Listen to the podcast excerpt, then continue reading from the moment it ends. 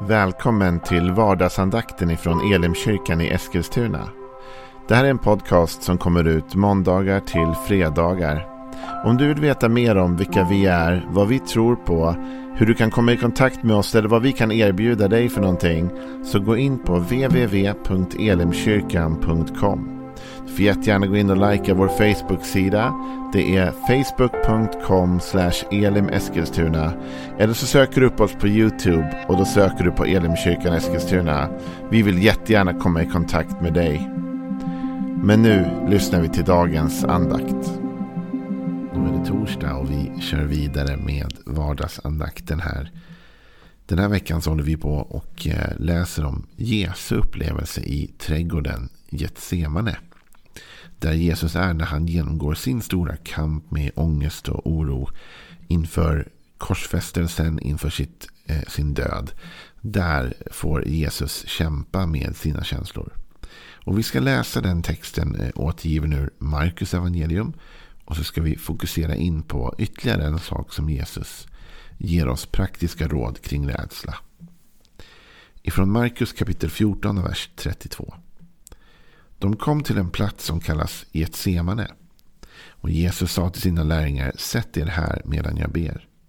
Han tog med sig Petrus, Jakob och Johannes och han greps av bävan och ångest och sa till dem, min själ är djupt bedrövad ända till döds. Sitt här och vaka. Han gick lite längre fram och föll ner på marken och bad att om möjligt få bli förskonad ifrån denna stund. Han sa, Abba, far, allt är möjligt för dig. Ta den här bägaren ifrån mig, men inte som jag vill, utan som du vill. När Jesus kom tillbaka fann han att de sov. Och då sa han till Petrus, Simon, sover du? Kunde du inte vaka en enda timme? Vaka och be att ni inte kommer i frestelse. Anden är villig, men köttet är svagt. Han gick bort igen och bad med samma ord.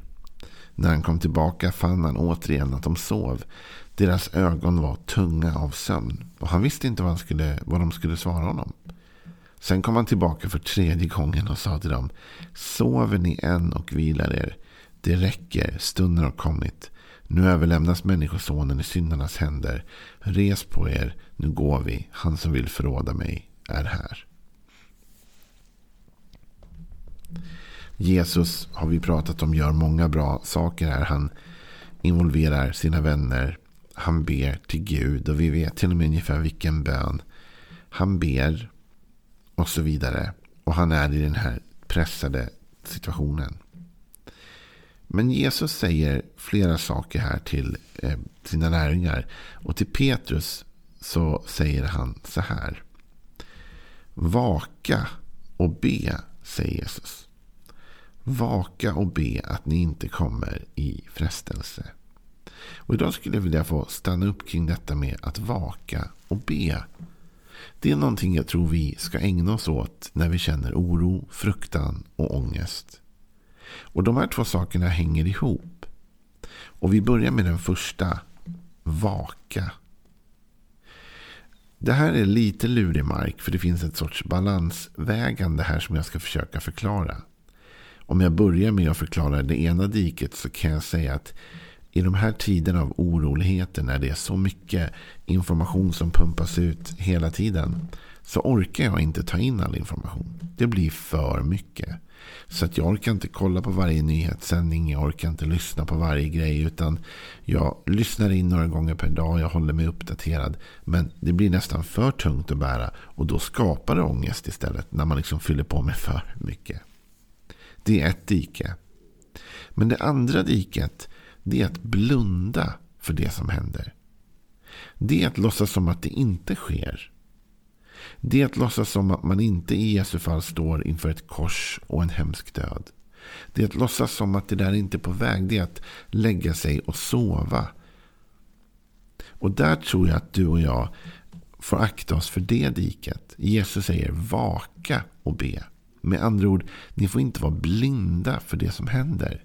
Ni får inte leva i okunskap eller ovisshet. Vet du, ovisshet kan också skapa en ångest och en oro. Jag gillar att titta på ett program som heter Lyxfällan. Det är så här ångest-tv kallar min hustru det. Men i det programmet i alla fall så åker de ut och hjälper folk som har det rörigt med sin ekonomi. Och en del av dem som de hjälper, de har hamnat i ett läge där de inte ens orkar titta på räkningarna. Alltså de får brev från eh, inkasso, från Kronofogden, räkningar, prylar. Och när de här experterna kommer dit för att hjälpa dem så, så är breven inte ens öppnade. Därför att det har gett dem så mycket ångest att de orkar inte ens öppna och titta. Och de är då blinda för verkligheten. Och jag kan förstå det på ett sätt. Att öppna breven skulle skapa en oerhörd oro och en oerhörd ångest. Men jag vet också att ibland när man öppnar ett brev så står det inte det man tror. Ibland så blir den bild vi målar upp i vår ovisshet och blindhet ännu värre och ännu mer ångestskapande. Vi tänker att i det där brevet så kommer det stå att nu tar de allt ifrån mig eller nu händer det här eller det här. Men det kanske inte alls är det som står. Vad det gäller vårt liv så ska vi inte vara sådana som liksom tar emot livets post att säga, utan att öppna det. Utan jag tror att det bästa sättet är att öppna och se och möta verkligheten. Inte överdriva, inte leva i någon sorts liksom, allt för spekulativt skede och kanske inte mata sig med all kunskap som finns. Som jag sa, det finns gränser för hur mycket jag orkar se på nyheterna. Men jag är ändå informerad och uppdaterad. Och det tror jag att man behöver vara. Jesus sa till sina lärjungar, vaka. Med andra ord, var uppmärksamma. Och sen säger han, och be. Och de sakerna hänger ihop. Med andra ord, det är inte bara att se, utan det är att ta det man ser i bön till Gud. Att be och lyfta upp det inför Gud. Det här ordet vaka återkommer i Bibeln. Till exempel i första Korinthierbrevet 16 så står en uppmaning från Paulus. Där det står Vaka, stå fasta i tron, var modiga och starka. Jag vet inte om du kommer ihåg men jag sa tidigare att, att mod det är inte att inte vara rädd. Utan att vara modig det är att göra någonting fastän man är rädd.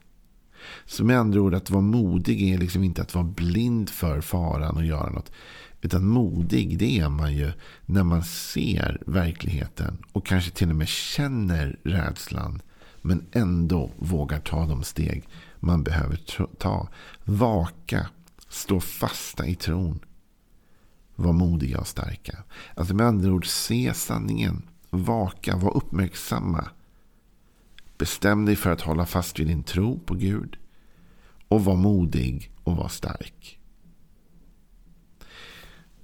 I Petrusbrevet så hittar vi också en formulering om detta som är väldigt bra. Ifrån första Petrusbrev 5 och vers 8. Där det står var nyktra och vakna. Er fiende djävulen går omkring som ett rytande lejon och söker efter någon att sluka. Stå emot honom, orubbliga i tron. Och tänk på att era bröder här i världen går igenom samma lidanden. En liten tids lidande ska, äh, efter en liten tids lidande ska all Guds nåd äh, ska all nåds Gud, som har kallat er till sin eviga härlighet i Kristus, upprätta, stödja, styrka och befästa er. Hans är makten i evighet. Amen. Lyssna. Var nyktra och vakna. Alltså var uppmärksamma och nyktra. Med andra ord, se inte till att ert, att ert sinne blir liksom manipulerat av någonting. Va? Av i det här fallet alkohol, droger och andra saker. Men det kan vara många saker som gör att vi inte uppträder nyktert. Va? Att vi inte ser saker med ett klart sinne. Så här säger Petrus, var klara i sinnet, va? var nyktra och vakna. Med andra ord, var uppmärksamma. Se verkligheten för vad den är. Vi kan inte låtsas som att det inte pågår ett krig runt hörnet. Det måste vi se, det måste vi möta. Men vi ska göra det med ett klart sinne. Och vi ska göra det genom att hålla fast i vår tro. Och vara modiga och starka och i bön. Men vi ska ändå se det. Här talas det om att djävulen går omkring och söker efter någon att sluka. Så står det, stå emot honom orubbliga i tron. Och så står det, och tänk på att era bröder här i världen går igenom samma lidanden. Efter en liten tids lidande ska all nåds Gud som har kallat er till sin eviga härlighet Kristus upprätta, stödja, styrka och befästa er. Så med andra ord, se sanningen. Var nyktra och vakna nog och se sanningen. Att ni lider. Men var också nyktra nog att se att du inte är den enda som lider. Utan alla människor går igenom något mått av lidande. Och det lidandet är inte för alltid. Utan en kort tid. Efter en liten tids lidande ska, ska all nåds Gud. Här håller vi fast vid tron då va? Upprätta, stödja, styrka och befästa er. Som andra ord, vi måste vara nyktra. Och vi måste vara vakna. Och vi måste se sanningen för vad den är. Och den kan ibland vara svår. Att man går igenom en tuff tid. Eller det finns ett lidande. Men vi ska också leva med vår tro. Och hålla fast vid vår tro. Och befästa vår tro. Och säga att ja, det är tufft nu. Men jag vet att andra går igenom detta och klarar det. Och jag kommer också klara det. Och jag vet att efter en tids lidande så kommer Gud faktiskt att upprätta mig. Stödja mig, styrka mig och befästa mig. Så jag har en vakenhet kring det som sker. Men jag har också tron med mig. Och jag håller saker i rätt form av perspektiv. I Matteus 25 då, så har Jesus eh, flera liknelser om att vi ska vara uppmärksamma vid tidens slut.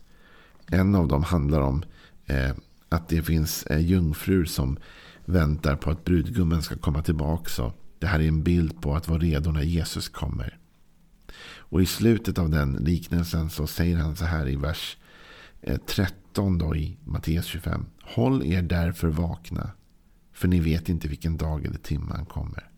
Håll er därför vakna. Med andra ord, sov inte. Blunda inte. Försök inte liksom slå, slå dövörat till sig. Utan var uppmärksam på det som händer och på det som sker. Håll er vakna. Så när Jesus säger i ett semane till Petrus. Vaka och be. Så tror jag det är en uppmaning till oss i orostider. Att inte eh, blunda för verkligheten eller för sanningen. Utan faktiskt se det som det är. Men att akta oss för överdrifter. Och att inte mata oss med mer än vi orkar bära. Lite i taget kanske vi måste fylla på. Men att ändå leva med verkligheten öppen för oss. Och samtidigt leva i bönen. I bönen som talar om för oss att allt är möjligt för den som tror. I bönen där vi kan uttrycka till Gud att vi tror och hoppas på förändring. Och i bönen där vi kan lita på den Gud som efter en liten tids lidanden kommer att upprätta oss igen. Men det sämsta vi kan göra det är ändå att blunda för verkligheten. För när vi blundar för verkligheten då tar vi inte tag i någonting. När vi blundar för verkligheten då ber vi inte heller. Utan vi sticker bara huvudet i sanden. Och när vi sticker huvudet i sanden då blir ingenting bättre. Och ångesten blir bara värre. Utan du och jag måste våga möta sanningen. Sanningen ska göra er fria, sa Jesus. Det finns något befriande i att ändå se verkligheten för vad den är. Även om den är svår att möta ibland. Så jag vill uppmuntra dig idag till detta om du befinner dig i en pressad situation. Om du befinner dig i en Getsemane trädgård, en olivpress. Och du känner att det är tufft och jobbigt och din instinkt är bara att sticka huvudet i sanden. Så vill jag uppmuntra dig med Jesu ord. Gör inte det utan vaka och be. Se sanningen för vad den är. Uppträd nyktert och klart i tanken. Och våga möta det svåra, även lidandet. I kunskapen om att Gud är med dig. Och större är han som är i dig än han som är i världen. Och om du får lida en kort tid så kommer Gud upprätta dig. Och låta dig komma tillbaka när tiden är inne igen.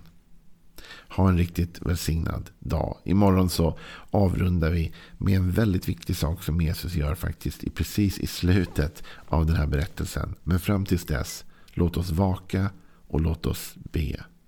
Hej då.